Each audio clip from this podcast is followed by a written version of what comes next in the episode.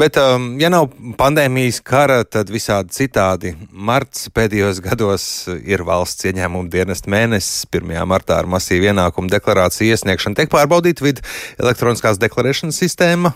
Sociālajos tīklos pārsvarā kritizē, paratam arī kāds uzslavē, protams, ja pārmaksātais nodoklis pārsniedz iesniedzēja ekspektācijas. Um, tiek vērtēts arī tas, cik ātri ar deklarācijām vidi tiek galā un kad pārmaksātie nodokļi reāli nonāk cilvēku kontos. Šobrīd esmu sazinājies valsts ieņēmuma dienesta ģenerāldirektori Jaunzem. Labrīt! Labrīt! 1. martā 220 tūkstoši cilvēku iesniedz deklarāciju. Cik ir šobrīd saņemts? Jā, šobrīd ir saņemts 666 tūkstoši deklarāciju. Vērtējiet, tas ir daudz, maz? Nu, ja mēs skatāmies, ka deklarācijas vispār var sniegt uh, trīs gadus, jā, tad uh, kopumā pagājušajā gadā, piemēram, mums tika iesniegts uh, viens miljons, tad mēs varam spriest, ka ne, nepienāk līdz vēl pat 1. aprīlim, mēs esam jau vairāk kā 50% ir iesniegti. Tā kā tādā ziņā tas tā ir laba ziņa jācer, ka tie, kuriem jāsniedz obligāti un ar kuriem parasti pēc tam arī visvairāk ir ieņēmuma dienestam jāstrādā un jāvelc pūles, jo ne visi ir tik čakli, ka arī šoreiz tie iesniegs laicīgi. Vismaz šo trīs mēnešu laikā. Jā, viens ir, protams, kad ir obligāti jāsniedz, otrs ir, ka tu iesniedz, lai atgūtu pārmaksātos uh, nodokļus. Tās motivācijas atšķiras, bet cik daudz jau ir atmaksāts pārmaksātais nodoklis? Uh, jā, šobrīd jau ir atmaksāta puse. No iesniegtiem tātad 302 tūkstoši, un atcerēsimies, ka vēl ir tikai 24. marts, un likums jau paredz šos trīs mēnešus, bet mēs nevelkam garumā, un Tātad ir atmaksāta jau puse no iesniegtajām un kopā 100 miljoni. Tas nozīmē, ka cilvēki iesniedz precīzākas deklarācijas un zina jau visas tās nianses, vai valsts ieņēmuma dienests ir sācis strādāt veiklāk. Jāsaka, ka katru gadu jau sistēma tiek pilnveidota un arī atverot šī gada sistēmu, protams, nu, viņi, viņi ir savādāk, man liekas, viņi ir vēl draudzīgāki, jo, ja cilvēks ir visu gadu šos attaisnām dokumentus pievienojis, tad viņi jau tur ir visi priekšā. Nav, ne, pilnīgi nekas nav jādara, es varu teikt, arī pēc savas pieredzes vienkārši ieej iekšā, paskaties, vai gadījumā kaut kas nedublējās, to norādīs arī sistēma, nav bieži arī pašam nav jādomā, jo tie uzlabojumi ir tādi, ka maksimāli daudz sakam priekšā. Un, ja to visu izlabojat, nu, tas ir burtiski, nu, ja, ja viss ir kādam, burtiski 5-7 minūtes deklarāciju var iesniegt. Un, ja dokumenti ir korekti pievienoti un viņus uh, mūsu mākslīgais intelekts atpazīst, tad viņi aiziet uz automātisku atmusu. Tā kā, tā kā, protams, mēs strādājam un arī, un arī cilvēks ir sūdzīgāks. Protams, patīkami, ja tiek saņemti pārmaksātie nodokļi atpakaļ, bet cik daudz ir tāda, kur ir parādā valstī, kur ir jāpiemaksā? To es vēl šobrīd nevarēšu pateikt, jo, jo mēs tiešām uzreiz katru dienu apkopam izmaksātās summas. Domāju, attiecībā uz tiem, cik vēl būs jāpiemaksā, pilna statistika būs tad, kad šis obligātais termiņš būs iesniegts, sasniegts, un tas ir līdz jūnijam. Tāpēc šobrīd Es nevarēšu vēl pateikt, cik ir jāpiemaksā. Parādi no iepriekšējiem gadiem vēl valkas līdzi?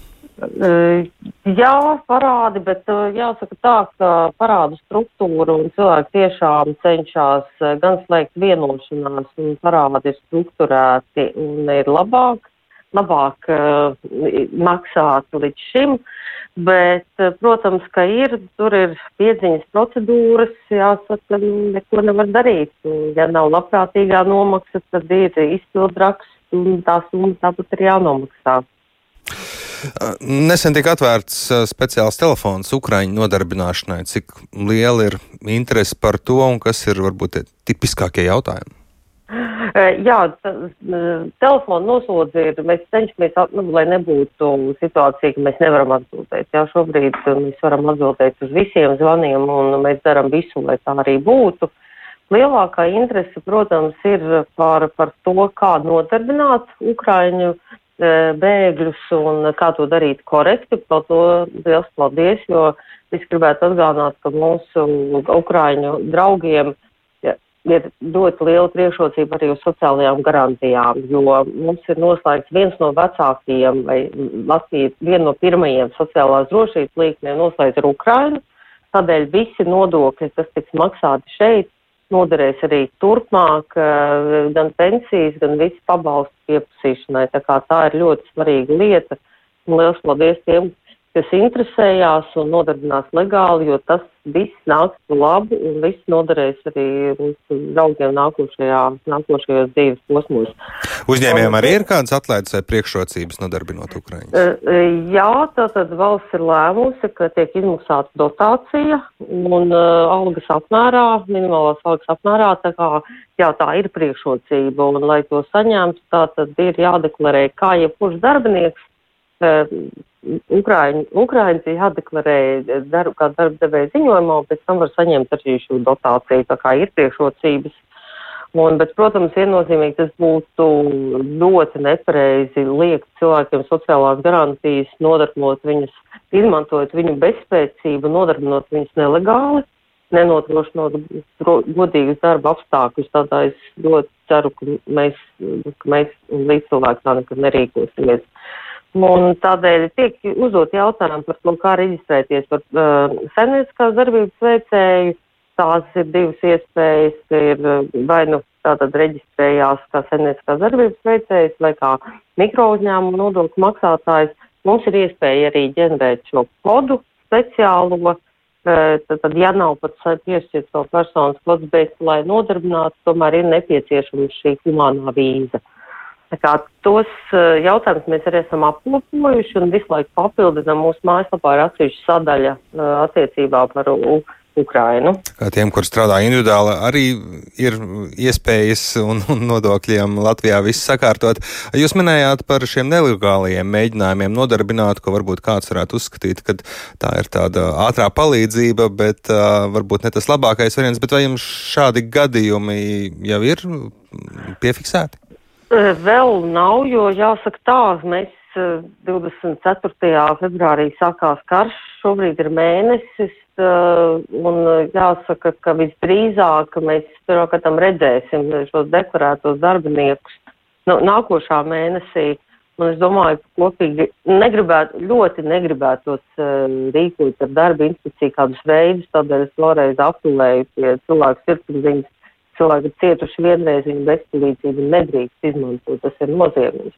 Tādēļ es negribētu, ka mums būtu jā, jāzina par to vai jā, jātaisa speciāli reizi, lai skatītos, lai nenodarbina nelegāli Ukraiņu bēgļus. Es domāju, ne jau tikai karodziņa piespraušana ir tas, kā mēs solidarizējamies, arī godīgi darba apstākļi ir tas, kā mēs solidarizējamies. Un, Es eh, ļoti ceru, ka arī līdzcilvēki, tie, kuri ne, tādas lietas redzētu savā uzņēmumā, darītu mums to zinām uzreiz, jo tas būtu, tas, tas būtu tiešām modernā verdzība pret cilvēkiem, kuriem tā ir cietusi. Paldies ar šo cerību, ka tā nenotiks. Tad arī noslēdzam šo sarunu. Paldies jums par to. Vide ģenerāldirektori Ievi Jaunzem ar mums sarunājās.